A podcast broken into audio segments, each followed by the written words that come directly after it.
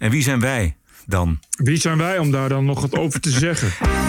This is the TPO podcast. Hoe graag wil Baudet meeregeren? Krijg de tering, Mark Rutte! Nieuwsuur in totale verwarring over woke. weet toch wel wat woke Ik is? weet niet of alle mensen thuis weten wat woke is. Oké, nou ja, le- legt u het uit? Nee, legt u het uit. En bombshell interview met Harry en Meghan. There's a conversation with you with Harry. about how dark your baby is going to be. Aflevering 233. Ranting and Reason. Bert Bresson, Roderick Phalo. This is the award-winning TPO podcast. Op maandagavond 8 maart. Goedenavond Bert.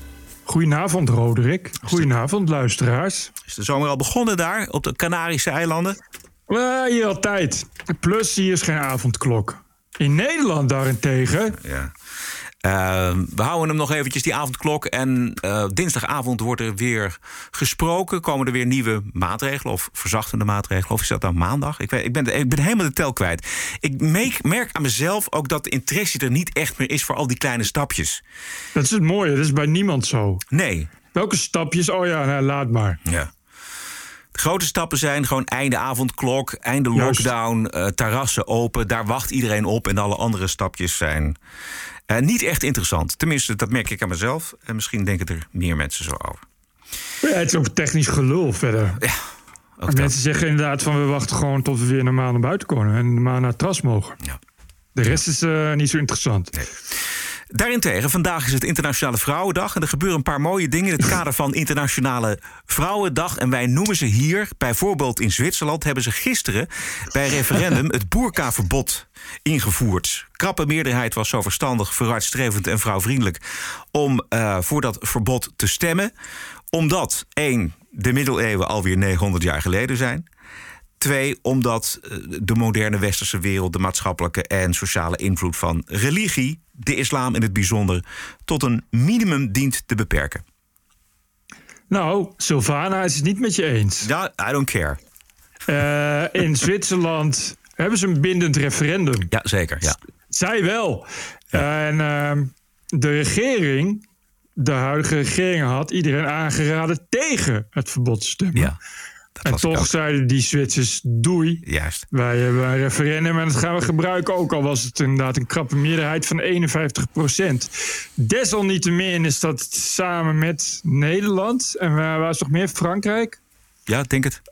Samen met nog drie landen, geloof ik, is Zwitserland het vierde land met een geheel terecht, volkomen terecht boerkaverbod. Ja.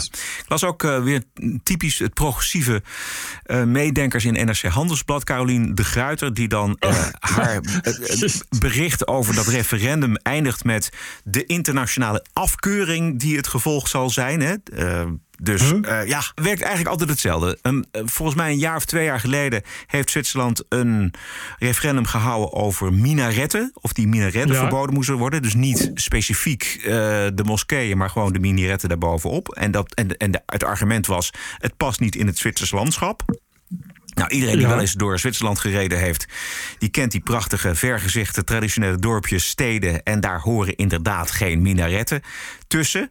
Wel moskeeën, maar niet die, die punten. En in een vlak land als Nederland is dat wel ja, minder, minder ingewikkeld te zien. Je ziet die minaretten pas als je ervoor staat eigenlijk.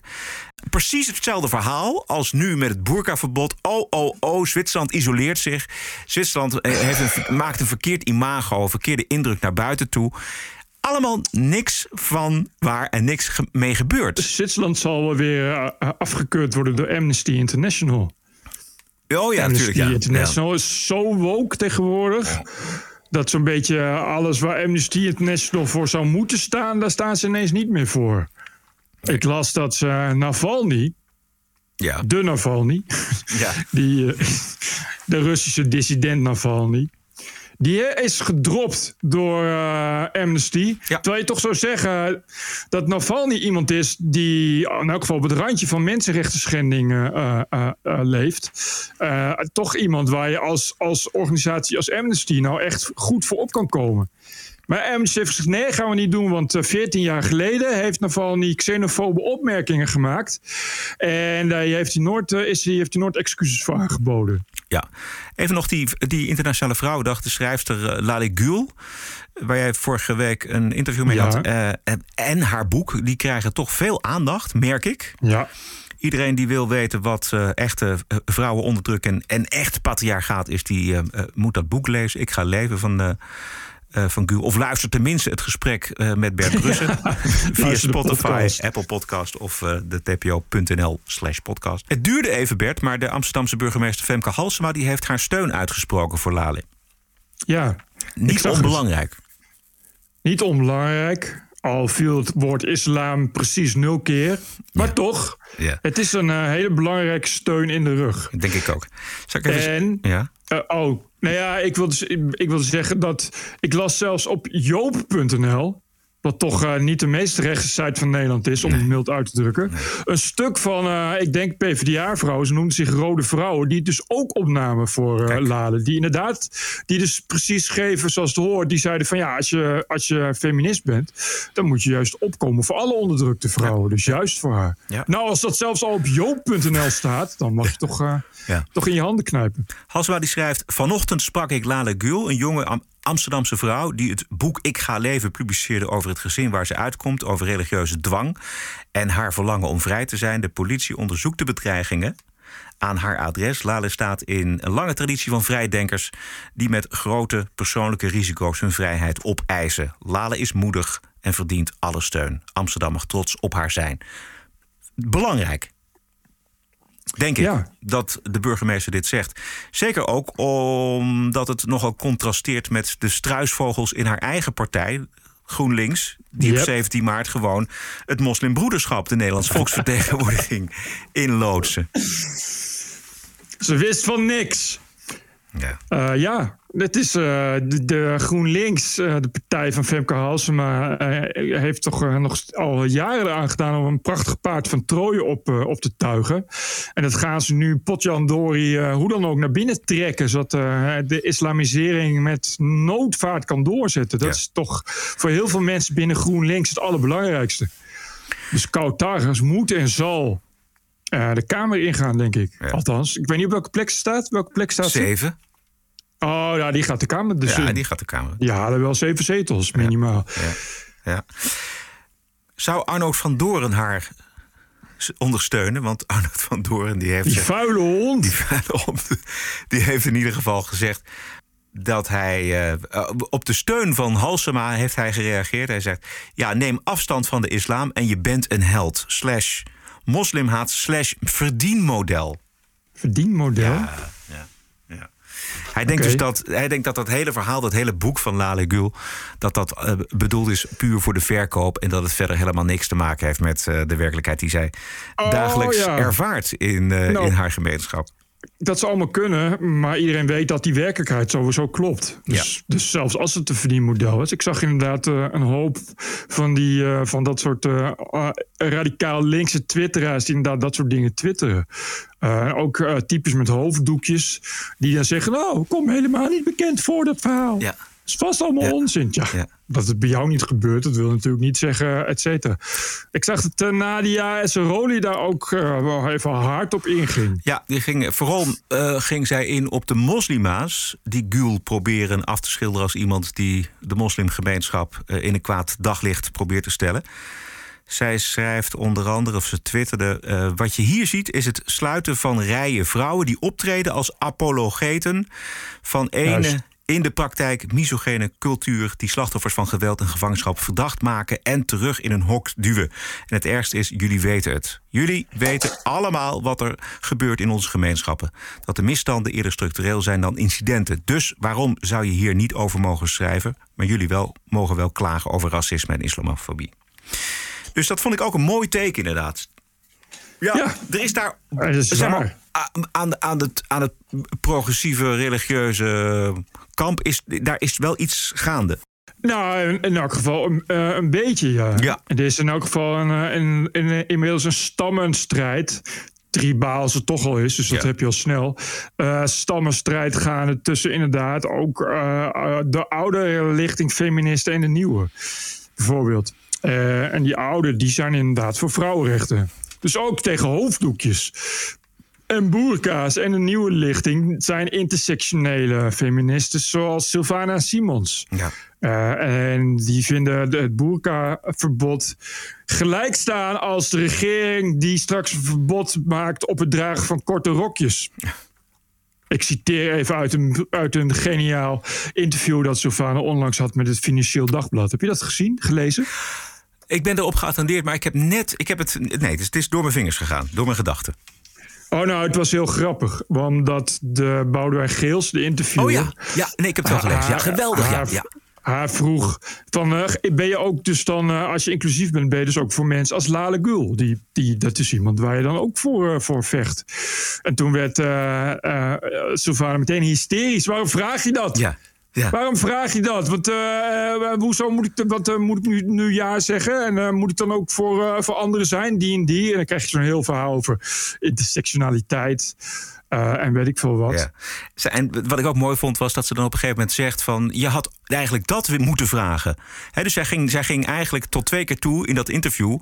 aan de interviewers formuleren wat hun vragen zouden moeten zijn. Dat vond ik wel heel bijzonder van een politica.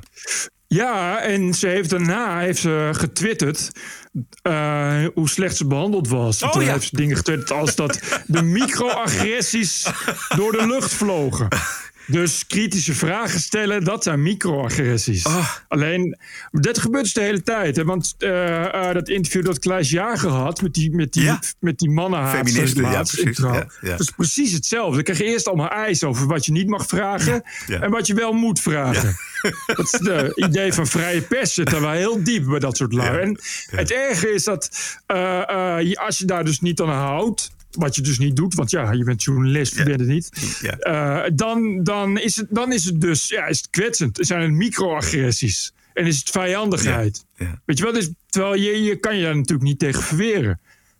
Nee, nee, want, ja, nee, nee. Het, het, is meteen is het, is het haat en, en agressie. Terwijl het zijn gewoon kritische vragen. En het zijn altijd op vragen waarop iedereen al weet dat ze daar toch geen antwoord op kunnen geven. Want natuurlijk, als je inclusief bent, dan moet je het juist opnemen voor de lale guls van het land. dat is natuurlijk wat Sylvana Simons helemaal niet wil. Nee. Want die wil juist pro-islam zijn. En die wil juist pro-hoofddoekjes. Want daar hebben ze een, een, een boosaardige alliantie mee gesloten al heel lang geleden. Ja. Dus ze kunnen, die, ze kunnen die vragen niet beantwoorden. Dat weten ze zelf ook. Dus elke keer als ze die vragen krijgen, worden ze woest. Wat zo tekenend is, ik, ik, zit daar even op te zoeken. Uh, een van die overlevenden van uh, Charlie Hebdo, de aanslagen erop, Zainab El Razoui. Zij vertelt wat daar mis is met de islam, met uh, die godsdienst ten aanzien van vrouwen, ten aanzien van radicalisering. En dat mensen als Sylvana Simons en andere mensen, de Leo Lucassen, dat die dus niet dat lezen en nu weer uit dezelfde het vaatje tappen met zo'n boek als La Legule. Die willen het gewoon niet horen. Die willen het niet lezen. Die willen gewoon in hun eigen bubbel blijven. En that's it. En de vragen voor journalisten bedenken. En zodat zij in hun eigen werkelijkheid kunnen blijven geloven. Nee, ze vinden ook echt dat je uh, ja, je, je moet bepaalde werkelijkheden moet je niet aanraken. Bepaalde feiten, die mag je niet benoemen. Want zij weten natuurlijk ook wel, maar zij vinden dat, oh, zeker iemand als Leo Lucas, als je dat, die vinden dat als je dat soort feiten benoemt, ja, dan, dan is dat te veel voer, uh, koren op de molen voor extreem rechts. Dat, dat, dat, dat mag niet. Je moet, kijk, die mensen die vinden dat je een samenleving moet en kunt vormgeven. En dat doen ze door ja, zoals uh, elke, in elke religie, in elke staatsgodsdienst en samenleving wordt vormgegeven door bepaalde feiten niet te, niet te benoemen en in de doofpot te stoppen. Ja, Dat kan je niet, je mag dat niet zeggen. Oogkleppen Leo. Oogkleppen Leo. Oogkleppen Leo. Laten we even naar de verkiezingen gaan, want er zijn 17 maart verkiezingen in Nederland. En dat is sneller dan je denkt, want het is 8 maart, zoals gezegd. Dus uh, ja, negen, is heel binnenkort. Nog negen dagen. Uh, kan de zwevende kiezer nadenken over uh, wat hij gaat doen. Politiek leider van Forum voor Democratie heeft niemand meer in de gelederen die hem van tegenspraak voorziet. Uh, niemand die hem corrigeert. En vanuit de overdrive om hem stuk te maken... is dit Baudet in zijn eigen woorden. We zijn wezen flyeren in Gieten. En we stonden bij een, uh, bij een viskraam. Krijg de tering, Mark Rutte! Dit zegt hij toch helemaal zelf. Hè? Er, is, zit verder geen overdrive om voor hem stuk te maken, zit daar aan. Ik, dit geeft wel een beetje. Dit, dit is wel een beetje de diepgang van Forum eh, momenteel, denk ik. Wie, wie, nu nog gelooft dat Baudet stemmen zoekt om mee te regeren met een partij. Dat eh, sowieso niet. Iets van zijn plannen en beloftes voor elkaar te krijgen, die leeft echt in een droomwereld. In die andere droomwereld. Dat mag allemaal. Dus prima dat je, dat, dat je in die droomwereld wil geloven. Is helemaal geen enkel. En, en als uh, Baudet dit wil zeggen, moet hij dat gewoon lekker zeggen. Maar denk dan niet dat de komende vier jaar ook maar één programmapunt van die partij werkelijkheid wordt. Nee, dat sowieso niet. Maar eh, Baudet en veel van zijn aanhangers... die geloven allemaal oprecht dat ze 80 zetels gaan halen. Dus vandaar. Okay. Hoef je ook niet echt aan te passen aan, aan hoef je ook niet echt aan te passen aan, aan mogelijkheden natuurlijk. Omdat het bedoel, hij denkt toch dat hij de absolute macht krijgt. Ja. Dus, dus wat dat betreft. Goed, ik, ik begrijp dat. Uh, wat is het? Uh, was het de helft? Uh, is geloof ik ook in corona-complottheorieën. Van ja. de FVD-stemmers. Ja. Dus ja, Dat, zegt, dat zegt me genoeg. En hij, en, en hij heeft natuurlijk alles nu gezet op ja, de corona ontkennen. Ja. En uh, de zogenaamde vrijheidsstrijd. Dus, en er zijn natuurlijk voldoende mensen die, die zich daarin kunnen vinden. En ja, vergis je niet, ik, ik, ja, hij is toch weer een zetel omhoog gegaan in de peilingen. Ja, staat nu op vijf. Nog niet veel natuurlijk, maar toch drie meer dan nu. Wou ik net zeggen, toch vijf. En als je kijkt naar, uh, uh, naar hoeveel mensen er op zijn, zijn verkiezingskaravaan afkomen, dat zijn niet weinig. Ja. Maar goed, dat zijn er natuurlijk bij elkaar opgeteld geen miljoenen. Nee, en ook dus, nieuwsgierigen misschien. Van, uh, ja, niet iedereen die komt, die gaat natuurlijk ook meteen uh, nee. FVD stemmen. Nee. Maar, maar, maar, toch vijf zetels. Ja, kijk, hij is duidelijk niet weg door, door alles wat er gebeurt. Dus al dat, dat zei ik toen ook al. Die mensen die Baudet aanhangen, kan het gewoon allemaal niet schelen. Ja. Die, die, die zijn Baudet loyaal, wat er ook gebeurt. En, en die gaan daarop stemmen. Uh, en ik weet het niet. Ik, denk, ik weet helemaal niet. Ik, op de een of andere manier, die mensen moeten toch ook weten dat, dat uh, helemaal 0,0 van wat Baudet nu voorstaat ooit uitgevoerd gaat worden omdat hij sowieso niet gaat meereageren. En als hij dat wel zou doen, dan uh, is het vrijwel onmogelijk om dat allemaal. Weet je, ik. ik nee, het het, nee, precies. Ik, ik, stel je voor dat je een hele sterke positie. dat je een grote partij wordt, redelijk of middel, middelgrote partij wordt. en dat je goede onderhandelingen voert, dat je dat handig voert. Die onderhandelingen, dan kun je nog wel wat voor elkaar krijgen. Maar door zo'n opmerking van Mark Rutte krijgt de tering. dan wil je toch niet regeren. Want het enige, de enige mogelijkheid voor Forum om in een kabinet te komen is een rechtskabinet. En een rechtskabinet kan niet zonder de VVD en ook niet zonder het CDA. Dus ja, wat, wat wil hij? Ja, niks. Niet regeren, in ieder geval. Dit is, dit is wat hij wil. Hij wil vervelend zijn. Uh, en, en mensen bespelen. En daar, daarmee likes krijgen. Dat is wat hij wil. En dat is ook wat zijn kiezers willen overigens. Het zijn allemaal, allemaal, allemaal drammende kleuters. En, en overige zielige mensen die elke keer, dat is echt opvallend. Elke keer als ze een andere mening lezen, zijn ze boos. Alleen hun mening mag, mag gepubliceerd worden, anders worden ze boos. Maar echt boos. Als kleine kleuters, dan gaan ze dreigmailtjes sturen en intimideren. Dan worden ze woedend. Het zijn echt snowflakes. Dat zijn, dit zijn dus de mensen die zeiken over anderen. Maar als ze zelf iets lezen wat ze niet aanstaan. Het is, en alles, alle anderen zijn ook nu dus onderdeel van de complottheorie. Controlled opposition, betaalde Soros en Gates, nepnieuws. Dus alles wat, wat niet, wat niet pro-Baudet is, is, is, is fout. Nou, dat zegt toch wel genoeg over die kiezers. En dat zegt ook genoeg over de, over de partij en de leider. Ja, religieuze beweging is het aan het worden. Daar behoorlijk. Ja. Nog eventjes die, voor wat het waard is, die uh, peilingen van afgelopen zondag. Maries de Hond. Dus Forum op vijf zetels, plus drie. Partij van de Arbeid ook plus drie. PVV plus vier. Tweede Partij van Nederland met 24 zetels. Geen slechte prestatie. En verder Ja 21 zag ik op drie zetels staan. Ja. Ook niet slecht, maar mag meer. Voor een vervanger voor, voor, voor, voor democratie. En, Ja. eh, en met zoveel mensen in de Senaat en in het land mogen ze wel wat meer zetels eh, krijgen. En de verliezers zijn D66 min 5 en GroenLinks min 5. GroenLinks ook min 5. En de SP ook min 5. Ah, Ja. Ik vind D66 kan, mag maar voor mij niet hard genoeg verliezen. Eh, maar ik zag wel dat Volt al twee zetels heeft. Wat is dat voor partij? Volt, dat is een soort van eh, D66 volledig gericht op eh, eurofilie. Want dat is bij D66 Dat is nog pro- niet, eh, pro- nog niet euro, eurofiel genoeg. Kijk, precies. Dat zou je denken. Je zou denken dat nou, eurofilie dan D66 wordt het niet. Nou, dan moet je het partijprogramma van Volt maar eens lezen.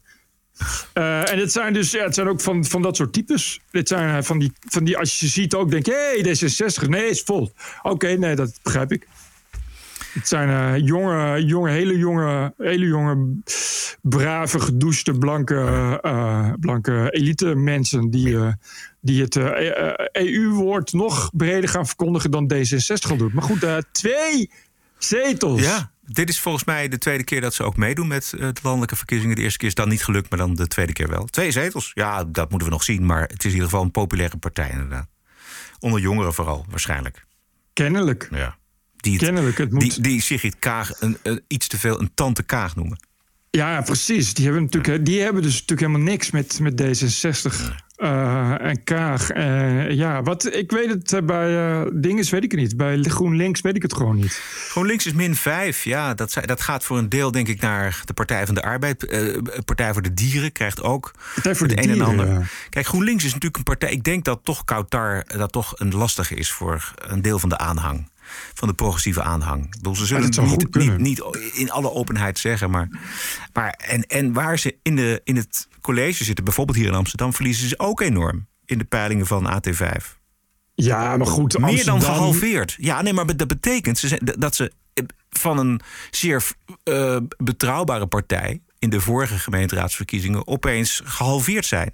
Dus Ja. valt enorm tegen. GroenLinks in de Ja, praktijk. maar, maar, maar, maar goed, GroenLinks in Amsterdam is nou ook niet echt een succes te noemen. Dat snap ik wel. Ik vind halveren vind ik nog, vind ik nog weinig. Nee, maar de helft van de GroenLinks-stemmers die wonen in de grachtengordel. Dus Ja, maar de helft van de GroenLinks-stemmers... en een gedeelte van de GroenLinks-stemmers woont ook op Eiburg... waar ze nu ineens windmolens ja, krijgen. exact. Ja. Eh, en eh, al die mensen die in de grachtgordel eh, wonen... die zien ineens hun OZB enorm omhoog gaan... en weten dat al dat geld gaat naar een failliete afvalverbrander.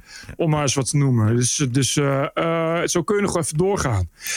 Dus dat snap ik wel. Ik bedoel, Amsterdam is Amsterdam. En Amsterdam gaat al, al 80 jaar gebukt onder een links beleid. En dat is bij GroenLinks niet anders geworden. Dat had iedereen natuurlijk kunnen zien aankomen. Dus ik begrijp dat wel. Maar dat zegt natuurlijk niks over GroenLinks landelijk. Dus ik weet gewoon niet zo waar. ehm, maar ja, het ging, het ging toch eh, ooit heel goed Ja. met Jesse Klaver aan het roer. Ja, als dat- de. Nederlandse Trudeau. Ja. De magie is eraf waarschijnlijk. Maar ook de SP, dus vijf zetels eraf. Dus samen GroenLinks, SP, D66, ook linkse partij, 15 zetels verliezen. En de Partij van de Arbeid eh, wint er drie. Dus dan hou je er nog 12 over. Die, die Ja, die waarschijnlijk, dan? Ja, die gaat, er gaan er twee naar de Partij voor de Dieren. Er gaan er twee naar Volt. Maar dan hou je nog een genoeg over. En ik denk toch. Dat heb ik een keer eerder geschreven. Maar dat, dat Nederland opnieuw verrechts. Dus die, die, die, die- Het zou goed kunnen. eh, de, eh, links valt tegen. Mooi. Heel goed. ik hou dat vol, rechts Nederland. Best, eh, TPO Podcast. Wat wil je zeggen? nee, ik wou zeggen, beste linkse Nederlander. Zet door met het verrechten. Oké. Dinsdagavond, voor veel luisteraars is dat vanavond. Zendt net 5 het Oprah-interview uit met Prins Harry en Meghan. Ehm, en we besteden er aandacht aan omdat we er vorige week aandacht aan besteed hebben. Dus op een gegeven moment zit je er dan toch aan vast. Nou, het, is een, het is een bombshell-interview. Gisteren was het al te zien in Amerika en in Groot-Brittannië. En bovenaan de lijst met nieuws uit het interview... de beschuldiging van Meghan dat de koninklijke familie met Harry... een gesprek had waarin zorgen geuit zouden zijn... over de huidskleur van hun toekomstige kind. De baby van het stel. In those months when I was pregnant, all around this same time, so we have in tandem the conversation of he won't be given security, he's not going to be given a title. and also concerns and conversations about how dark his skin might be when he's born. What? So, um, hold up, hold up. There's Stop several right there are several conversations. There's a about it. conversation with you with Harry about how dark your baby is going to be. potentially and what that would mean or look like. And you're not going to tell me who had the conversation. I think that would be very damaging to them. Okay. Het kan allemaal. We weten hoe dramatisch, eh, sinds The Crown weten we hoe dramatisch dat allemaal eh, Ja. eraan toe gaat daar. Maar dan nog kun je denken, ja, je kunt ook die vraag uit belangstelling stellen. Dus hè, je kunt hem ook niet racistisch bedoelen. Je kunt ook zeggen, nou goh, wat voor huidskleur zou die krijgen? Ik, eh, ik denk dat. eh, ik denk dat. eh, mevrouw eh, hoe heet ze? Meghan Ja, Markle, Meghan, toch? Meghan, ja. Meghan blij mag zijn dat Lord Mountbatten dood is. Want anders had hij waarschijnlijk eigenhandig ervoor gestaan. Dat hij eh, gebleekt wordt eh, voordat hij eh, in, in de openbaarheid mag komen. Zo racistisch, ja. Ja, ik bedoel, dat, natuurlijk is dat een blank bolwerk. Natuurlijk maar dat, dat, is dus het punt. Het, de, de, het Britse Koningshuis, de Queen en Philip, en weet ik wat, die vragen zich toch werkelijk niet af of dat racistisch is. Dat vinden ze ook niet wel of niet racistisch. Dat vinden ze doodnormaal. Ja. Ze vragen zich af, oh, eh, dat wordt dan misschien wel een, eh, een, eh, een donkerkleurig kindje. Ja, als, het zo zou, als het zo zou zijn gegaan, oké. dan kun je nog denken, nou goed, Ja. misschien is dat voor, voor, voor eh, Meghan vervelend, maar oké. Maar ehm, ja, voor, hetzelfde geld is het natuurlijk wel met zorgen geuit. Van jeetje, Mina. voor het eerst iemand, nou ja, met een ander kleurtje. is moeilijk te zien, maar goed, ze heeft toch een ander kleurtje in het Koninklijk Huis. Wat voor kinderen levert dat op? Ja, dat kan ook op een racistische manier. Ja, ja, natuurlijk is het racistisch, maar dat is inherent racistisch. Is, tuurlijk is, is dat Koningshuis zo, zo white supremacist te neten. We hebben hele, volgens mij is het hele idee bij, bij die Elisabeth van, van zwarte... die kent ze alleen als zwartjes die je buiten de lamp omhoog houden... en eh, in de bediening werken. Want je, dat, ik, ja, racistisch, ja, zo racistisch als de neten. Maar dat, ik, volgens mij weten die mensen helemaal niet beter. Ook dus is- als, de, als de aanstaande of de vrouw van Harry een eh, volbloed Spaanse zou zijn geweest, of een, of een Griekse of een, of een Italiaanse, dan was dat ook een punt van discussie geweest. Nou, maar dan was het waarschijnlijk ook het punt van discussie geweest... waarom moet jij eh, een eh, volbloed Spaans of Italiaanse nemen? Ja, ja, precies. Ja. En bovendien is het natuurlijk voor, voor, voor, voor de Queen... is het natuurlijk een heel groot verschil... of, of het iemand is van, van, van Spanje, wat een, wat een vorstendom is... of uit Mexico. Mexico... Mexico, dat zijn mensen die, die bonen eten en, eh, en goed zijn in sombrero's vlechten voor, voor wat de Queen betreft, weet je wel. Dus daar, dit, dit, bedoel, ja, tuurlijk is dat racistisch. Ik begrijp gewoon de ophef niet. Wat hadden die Nou mensen ja. dan verwacht? Dat, dat, dat het Britse Koningshuis door en door inclusief was. Nee, dat En, niet. en, had, en had geroepen dat het echt niet uitmaakt wat je huidskleur is... en dat alle huidskleur hetzelfde is. Hou op, zeg. Daarom maak ik net die Lord Mountbatten grap. Ja. Die, als het aan hem lag, was hij nu nog, was hij nu nog keizer van India. Weet je wel? Bedoel, Ja. Dat is het hele idee. Ja, zeker. Eh, Prins Harry die kwam later pas bij dat interview met Oprah. En uiteraard werd hem gevraagd naar die conversatie. Maar eh, Harry gaat daar niks over zeggen. Megan shared with us that there was a conversation with you about Archie's skin tone. What was that conversation? That conversation I'm never going to share. No, never, ever. Laffe, laffe twat. Nou ja. Wel zeiken, maar nou, niet, eh, niet de hoed en de rand eh, vertellen. Dat mag dan weer niet. Maar Mi- het is die bang voor zijn toelage of zo. Minstens even rijkhalsend eh, keken wij uit naar de reactie van televisiejournalist Piers Morgan in Good Morning Yes. Britain. I'm angry to the point of bawling over today. I'm sickened by what I've just had to watch. Okay, a You know, you people might your- be, no, no. might be upset Sorry, you can and come to your, you can defend it in a minute. I'm just going to say what I'm going to say. Okay. This is a two-hour trashathon of our royal family, of the monarchy, of everything the Queen has worked so hard for, and it's all been done as Prince Philip lies in hospital. Mm-hmm. They trash everybody. They basically make out the entire royal family a bunch of white supremacists by dropping this race bombshell without that phrase. They didn't name any. They didn't name which one it was. They just throw it out there so it could be any member of the royal family. And Harry says, "I'll never say who it was." Juist. Ja, er zit heel veel ergernis, weinig argumentatie, moet ik heel eerlijk zeggen. Want ik heb de hele uitzending gezien van Good Morning Britain. Maar hij is vooral heel erg boos. In de, in de uitzending zit ook een royalty watcher, super geïnformeerd. En hij zegt, ehm, wie zich druk gemaakt hebben over die huidskleur van die baby...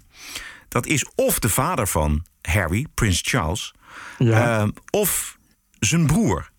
It was a conversation that Harry had with his family members. I should be clear here. I've been told it's not the Queen and not the Duke of Edinburgh. how do we know that only leaves that only leaves two family members. But how do you know that? Because that's what I've been told. Yeah, but how does Okay, that well, that's my know? job is to find out things. That's what I do, and I'm not going to share my Right, so- sources with you here. So now we're, now we're left with who? F- uh, Charles? Well, this, I, William? I was about to explain that.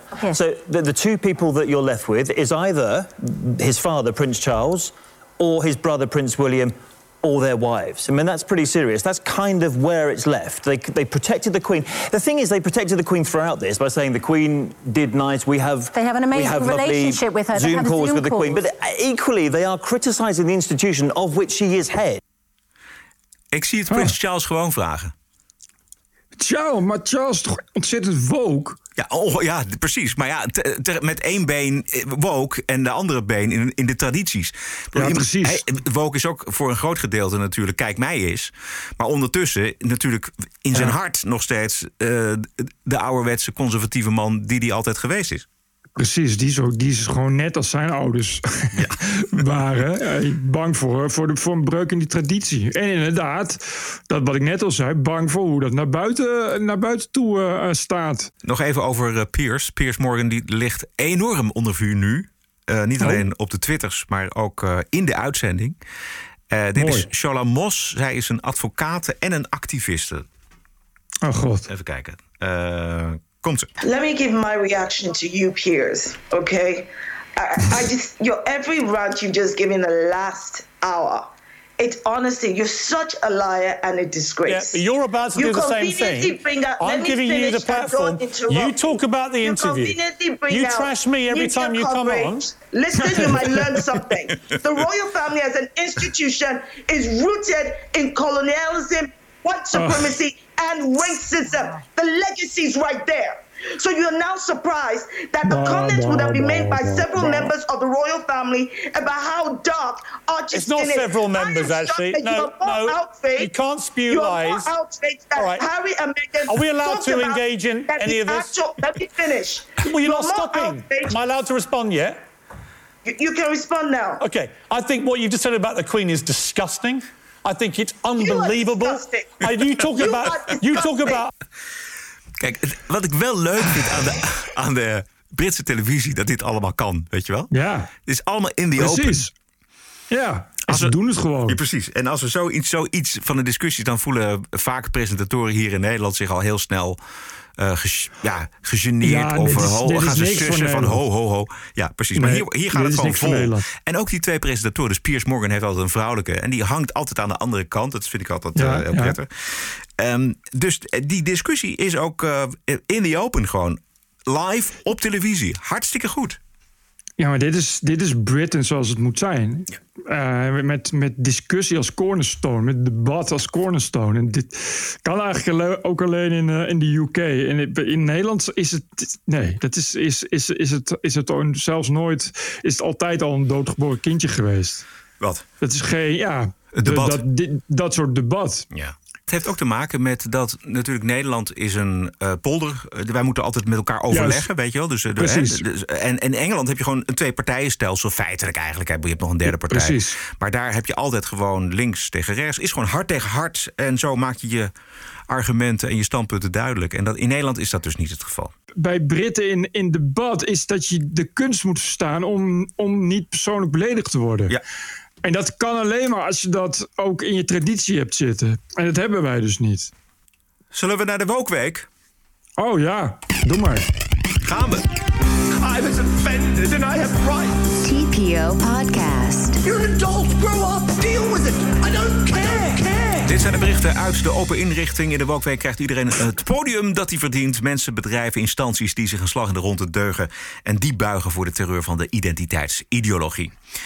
Vorige week, goed stuk in de Volkskrant... Uh, van boekenredacteur Wilma de Rek hebben wij het over gehad. Tegen de racistische argumenten Ja. om Marieke Lucas Rijneveld geen gedicht voor te laten vertalen van een zwarte Amerikaanse Amanda Gorman. Daarop reageerde theatermaker en paroolcolumnist Johan Frets met een open brief op het online platform Lilit. En Lilit, dat schrijven ze zelf, is een intersectioneel feministisch mediaplatform waar overwegend Oh, vrouwen en andere gemarginaliseerden aan het woord zijn over politiek, economie, media, kunst, mode en wetenschap. En als je nou een veel te lang stuk wilt lezen vol platitudes en verdachtmakingen en zonder ook maar één inhoudelijk argument, lees dan het stuk van Johan Frets. Te vinden op lilithmag.nl. Johan, Johan, Johan, Johan, Johan, Johan, Johan. Ik ken Johan Frets persoonlijk. Oh ja? Wel heel lang niet meer gesproken, maar vroeger eh, in Amsterdam eh, dronken wij wel eens bier. En Johan bedoelt het allemaal goed. En, eh, maar hij is begonnen als cabaretier en hij had altijd best wel goed materiaal. En dat, dat- hij had samen met nog geloof ik, ene Marcel zongen ze ook liedjes. Marcel de Groot? dat was- nee, nee, ik weet het. Maar oh, dan ook, eh, maar die liedjes waren minder leuk. Maar hij was als cabaretier best wel goed. Maar hij eh, merkte al heel snel dat je door te deugen en, en, en pathetische shit op te gaan boeren. Al snel als lievelingetje van de NPO, want het is ook iemand met een kleurtje. Al snel als lievelingetje van de NPO aan de tafels mocht gaan zitten. Dus Johan ging al snel een lied zingen voor de nacht van de vluchteling bij Pauw en Witteman.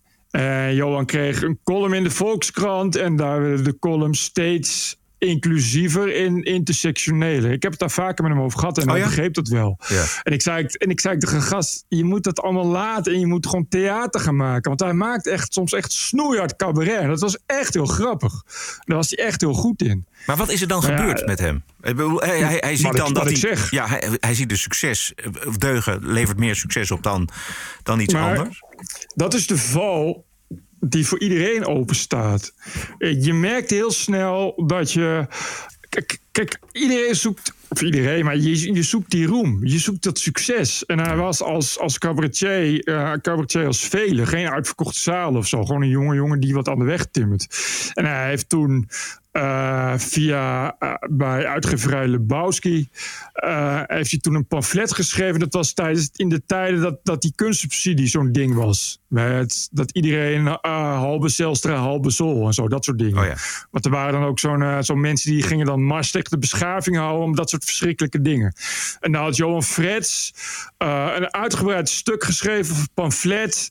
Maar dat was best genuanceerd. Want het ene ging dan over, ik hou ook van kunst. En ik ben blij dat het gesubsidieerd is, maar et cetera, et cetera. Dus daar viel hij mee op. Dat boekje heeft hij, heeft hij eh, aardig weten te slijten. Daar is hij mee inderdaad in de kolommen van de kranten gekomen. En daarna zodoende bij, bij de NPO-programma's.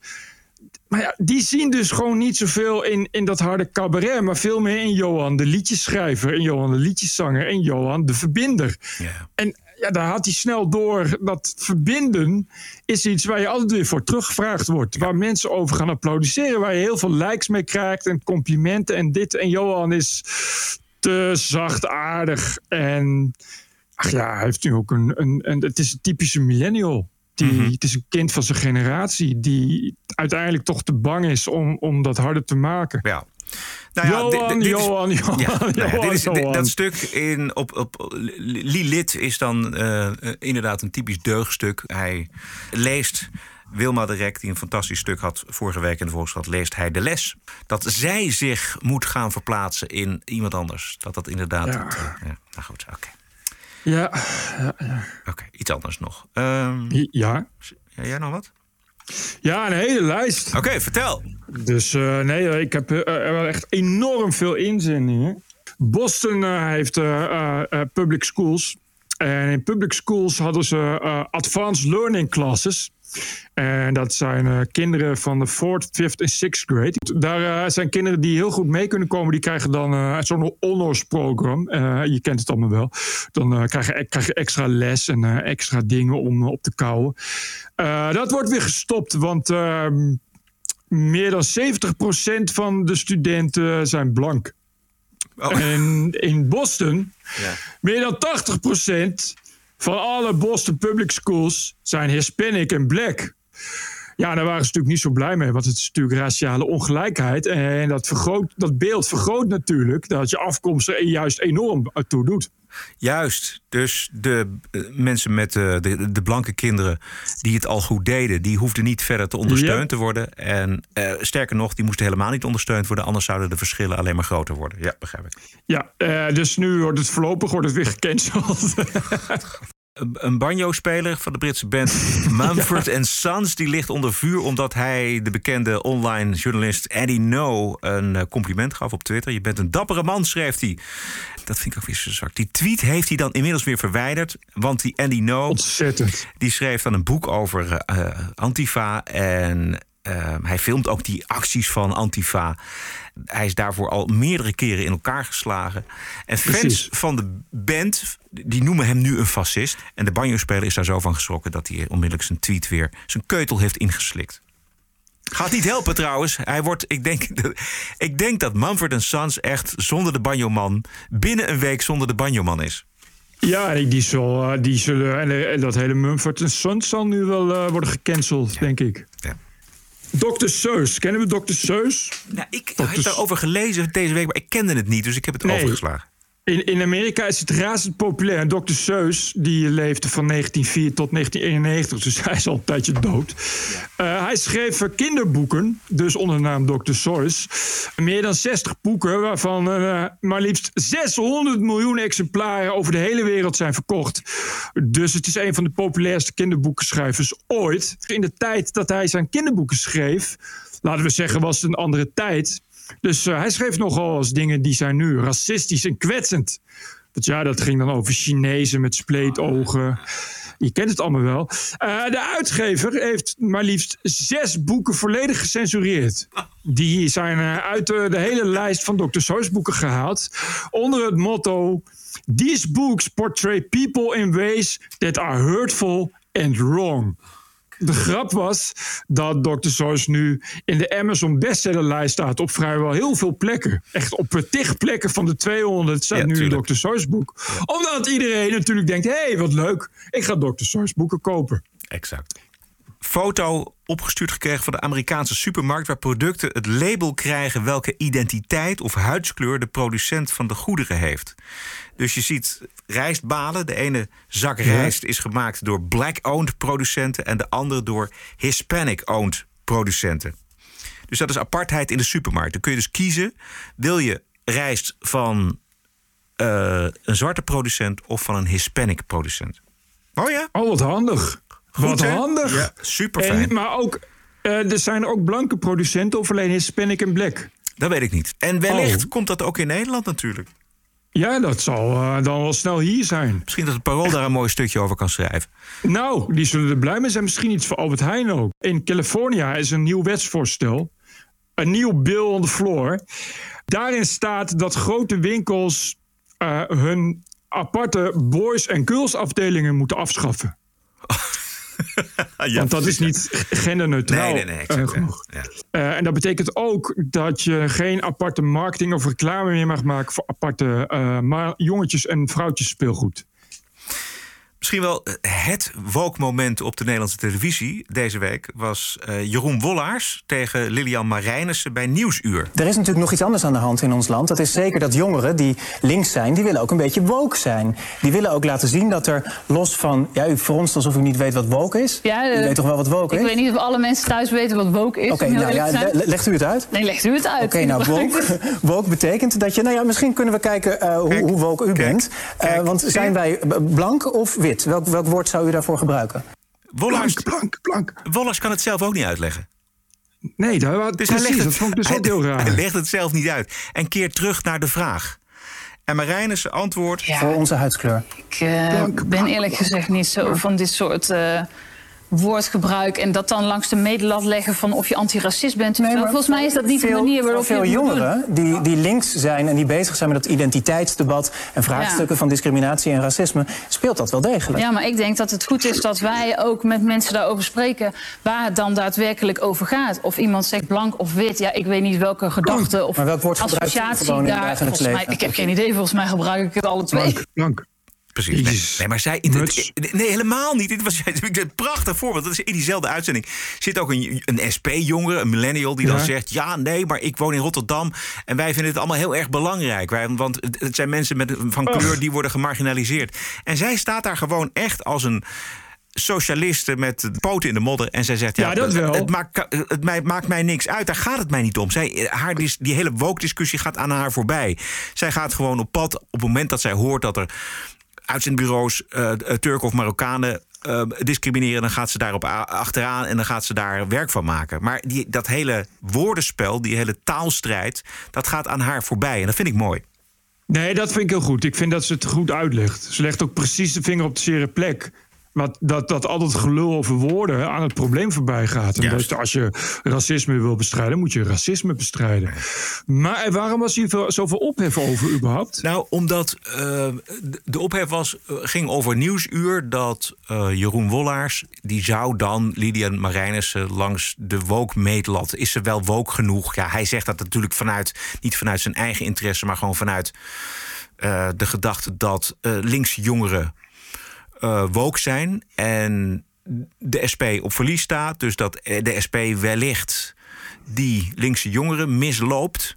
Nou, zoiets, zo'n gedachte. Ik, zoals ik het hoor, ik vind het wel meevalllen, maar goed. Ik vind het de ophef niet waard, maar het is allemaal een Van beetje hysterisch als het over de NPO gaat. Van. Ja, exact. Ja, ja. Behalve dan dat hij zelf eh, er eh, eh, ontloopt om het begrip woke eh, te, te beschrijven. Maar goed. Ja, het is duidelijk dat hij het ook niet kan uitleggen. Oh ja, nog één dingetje. Een campagne op TikTok om eh, rapper Eminem te boycotten. Te cancelen vanwege een nummer uit 2010. Ja, precies. Tien jaar geleden. God. Eh, dus maakte Eminem een nummer over de cancel culture. Tone Deaf. Mooi nummer. Ik weet niet of we hem kunnen draaien, Bert, stukje. Want eh, dan worden we van eh, de YouTube gegooid. Oh nee, inderdaad. Ik zal het even. even het gaat om eh, eh, die single. Is 10, eh, in 2010. Die, die single, dat nummer heet Love the Way You Lie. En daarin zit de strofe. If you fucking leave again, I'm strap you to this bed and set the house on fire. Eh, dat gaat over een vrouw. Dus het is seksisme, et cetera. En je kent het allemaal wel. Nu heeft hij dus eh, een nieuwe Ja, eh, video Tone Deaf. gemaakt. Ja. Tone Deaf. En daarin, eh, ja, dat, en die Tone Deaf is uitgesproken anti-woke. En hij, hij spot daarmee dus met, met die mensen die hem willen kennen. Hij, hij, hij zegt dus onder andere... I won't stop even when my hair turns grey. And I'm tone deaf, cause they won't stop until they cancel me. En zo gaat het de hele tijd door. Dus hij zegt fuck you en hij zegt no. I'm tone deaf. geweldig. Ja, kunnen we niet Hij heeft gewoon scheid. Hij gaat gewoon eh, daar gewoon nog eens even double down on it. Juist. Dat vind ik echt gek. En Ja. terecht. Het is echt... Doe, ik weet niet hoeveel miljard artiesten er zijn... die ergens wel een single hebben waarin dit soort zinnen staan. Die over, over vrouwen gaan en die je kan opvatten als misogyne en seksistisch. Precies. Je, je, laat- je, la- je laat je toch niet intimideren gewoon. Je gaat toch niet je tweets weghalen. Je gaat toch gewoon banjo spelen. Je gaat gewoon rappen. Je gaat gewoon doen wat je wil doen. En je zegt toch gewoon fuck tegen die hele woke business. Precies. Ze stoppen toch niet. Dat is precies, Precies. Wat, wat Eminem zegt. Juist. Het is iemand die heet Charles Blow. En Charles Blow die mag eh column schrijven voor de New York Times. Dus je voelt hem al een beetje aankomen. Ook Charles Blow schreef eh, iets over eh, de grote racist die Dr. Seuss is. Hij schrijft Speedy Gonzales. Ja. is ook kwetsend, moet ook kapot. Schreef hij dat? ja. Charles Blow, jongens, het is zo fucking saai. Het is zo afschuwelijk saai, die hele woke-beweging. Al die columnisten die het maar geweldig vinden dat er gecanceld wordt. En dat mensen worden, eh, achterna worden gezeten op de sociale media. Jullie zijn zo fucking saai. Speedy, Gonzales. Het is Speedy Gonzales. Oh, kan echt niet. Een beetje, een beetje, een André, beetje André. Ja. André, André, arriba, arriba. Kan echt niet. Puur racisme. Ja. TPO Podcast. Want wij krijgen geen subsidie en we draaien ook geen commercials. Zouden we wel willen, maar dat doen we niet. Nee, TPO Podcast is afhankelijk van de donaties van jou. Ranting and Reason. En één keer per week, elke maandagavond, kijken wij hoe de TPO-podcast in de markt ligt. Hoe eh, wij op waarde worden geschat. En lezen wij ook de reacties voor als die er zijn. Eh, reacties kunnen naar info.tpo.nl. En waarderen kan op tpo.nl slash podcast. Jaap ten Holt uit de Stad van Hoop. Beste Bert en Roderick, ik heb zojuist mijn achterstallige luistergeld overgemaakt. En als ik ineens rijk word, krijgen jullie nog veel meer. Jaap, dankjewel. Len den Besten.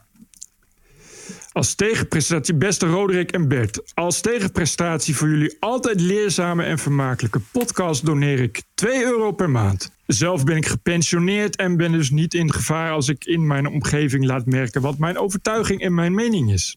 Ik vind jullie bijdrage zinnig en noodzakelijk om iedereen die zichzelf in verband met baanbehoud en sociaal leven wel moet censureren, een hart onder de riem te steken.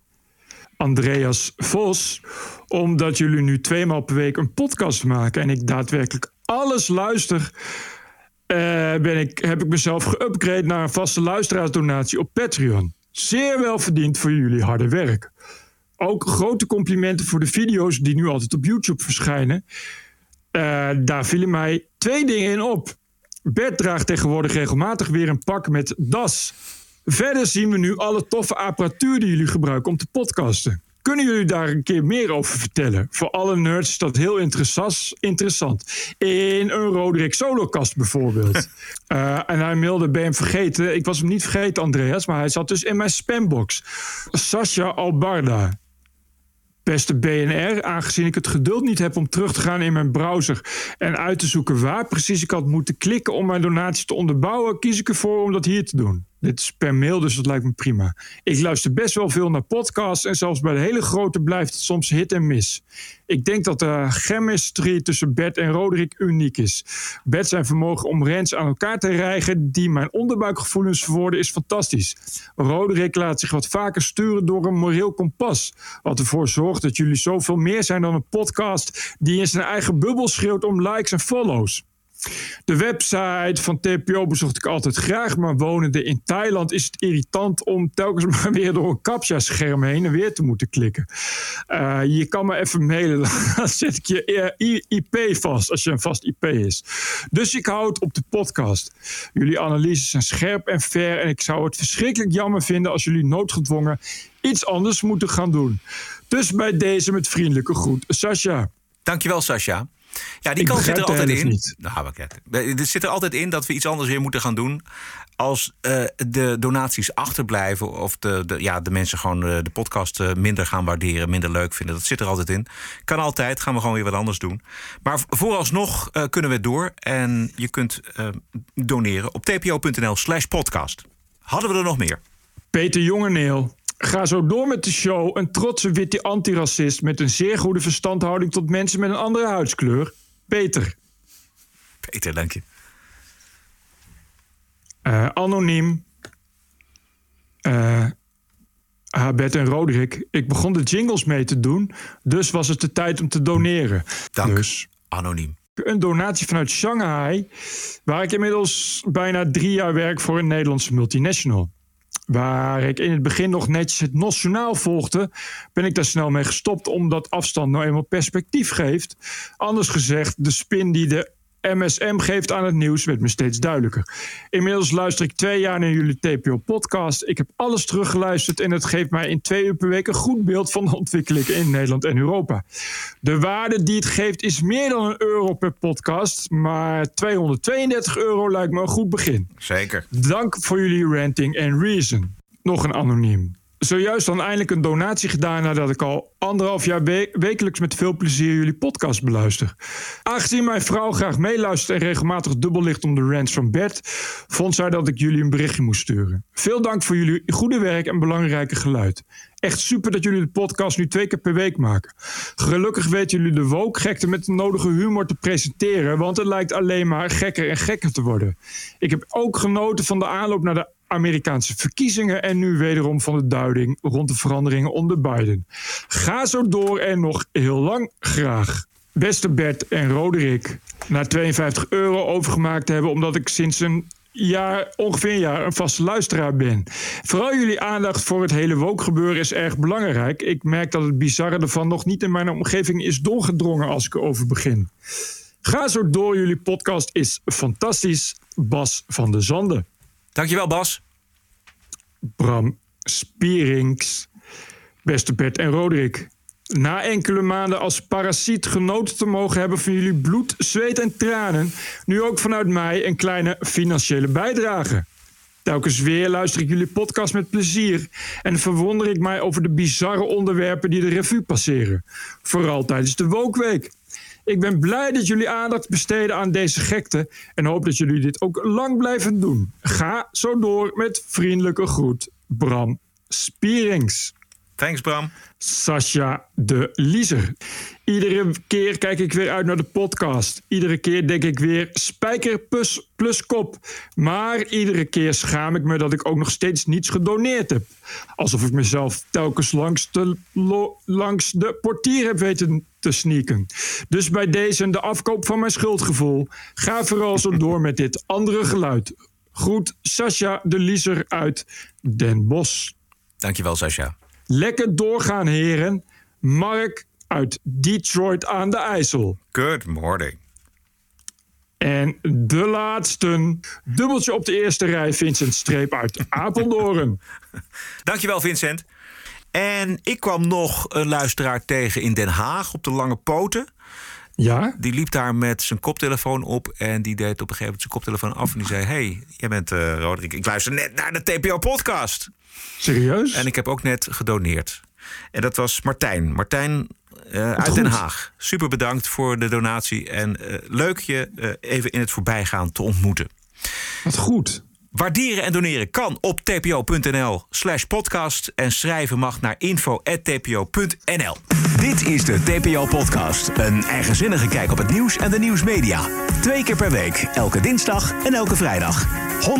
100% onafhankelijk. Want zonder reclame en zonder een cent subsidie. The award-winning TPO-podcast. Wat is het jou waard? Een euro per aflevering? 104 euro per jaar? Of kies zelf een bedrag. Waardeer en doneer op tpo.nl slash podcast. De TPO-podcast. Wat is het je waard? Bert, ik heb geen nieuws uit Amerika, want het was een buitengewoon saaie week. Het wordt sowieso natuurlijk een stuk saaier met uh, Joe Biden. Maar er gebeurde eventjes ook yeah. deze week niet echt uh, veel. En ik dacht, ja, om nou al die quotes van Biden te gaan knippen... Het was gewoon niet leuk. Dus uh, eventjes geen nieuws uit Amerika. Maar ik heb wel een bonusquote. Die is van uh, Nigel Farage. Want Nigel Farage die houdt er nu echt mee op. Hij uh, stapt op als leider van zijn partij Reform UK. Wat een opvolger is van de Brexit Party. Wat weer ja. een opvolger was van de UK Independent Party, de UKIP. Omdat zonder hem Groot-Brittannië nog steeds lid van de EU zou zijn geweest. En omdat hij de machtigste Britse politicus was zonder een zetel in het lagerhuis gaan we een, een bonusquote van hem draaien. Zijn podium was natuurlijk het Europees Parlement. Dit is zijn speech en zijn, misschien wel zijn meest beroemde speech... tegen de voormalige premier Herman van Rompuy... toen uh, de voorzitter van de Europese Raad, soort van president. Nigel, the floor is yours. We were told when we had a president... we'd see a giant global political figure... the man that would be the political leader for 500 million people, the man that would represent all of us on the world stage, the man whose job was so important that, of course, you're paid more than President Obama. Well, I'm afraid what we got was you. and I'm sorry, but after that performance earlier that you gave, and I don't want to be rude, but, but, you know, really, You have the charisma of a damp rag and the appearance of a low-grade bank clerk. And the question that I want to ask, the question that I want to ask, that we're all going to ask is, who are you? I'd never heard of you. Nobody in Europe had ever heard of you. I would like to ask you, President, who voted for you? And what mechanism? Oh, I know democracy is not popular with you lot. And what mechanism Mr. do the peoples of Europe have to remove President. you? Is this European democracy? You appear to have a loathing for the very concept of the existence of nation states. Perhaps that's because you come from Belgium, which of course is pretty much a non-country.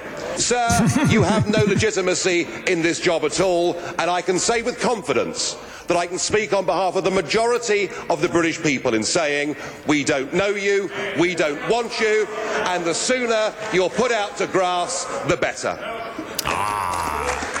Nigel Farage. Weer, waar we het over eerder over hadden, weet je wel. Gewoon die Britse traditie, gewoon snoei. Maar ik moet zeggen, dit is dus een Brit. Ja, geweldig. Eh, en ik weet dat eh, de meeste, ik weet niet of het Van Rompuy was, maar eh, Juncker, die kon het heel goed vinden met, met de dinges. Met, eh, Farage. Ja, precies, ja. En, en die vond het allemaal prachtig. Die, want ja, dat is het natuurlijk ook. Hè. Dat is net als in Nederland Martin Bosma.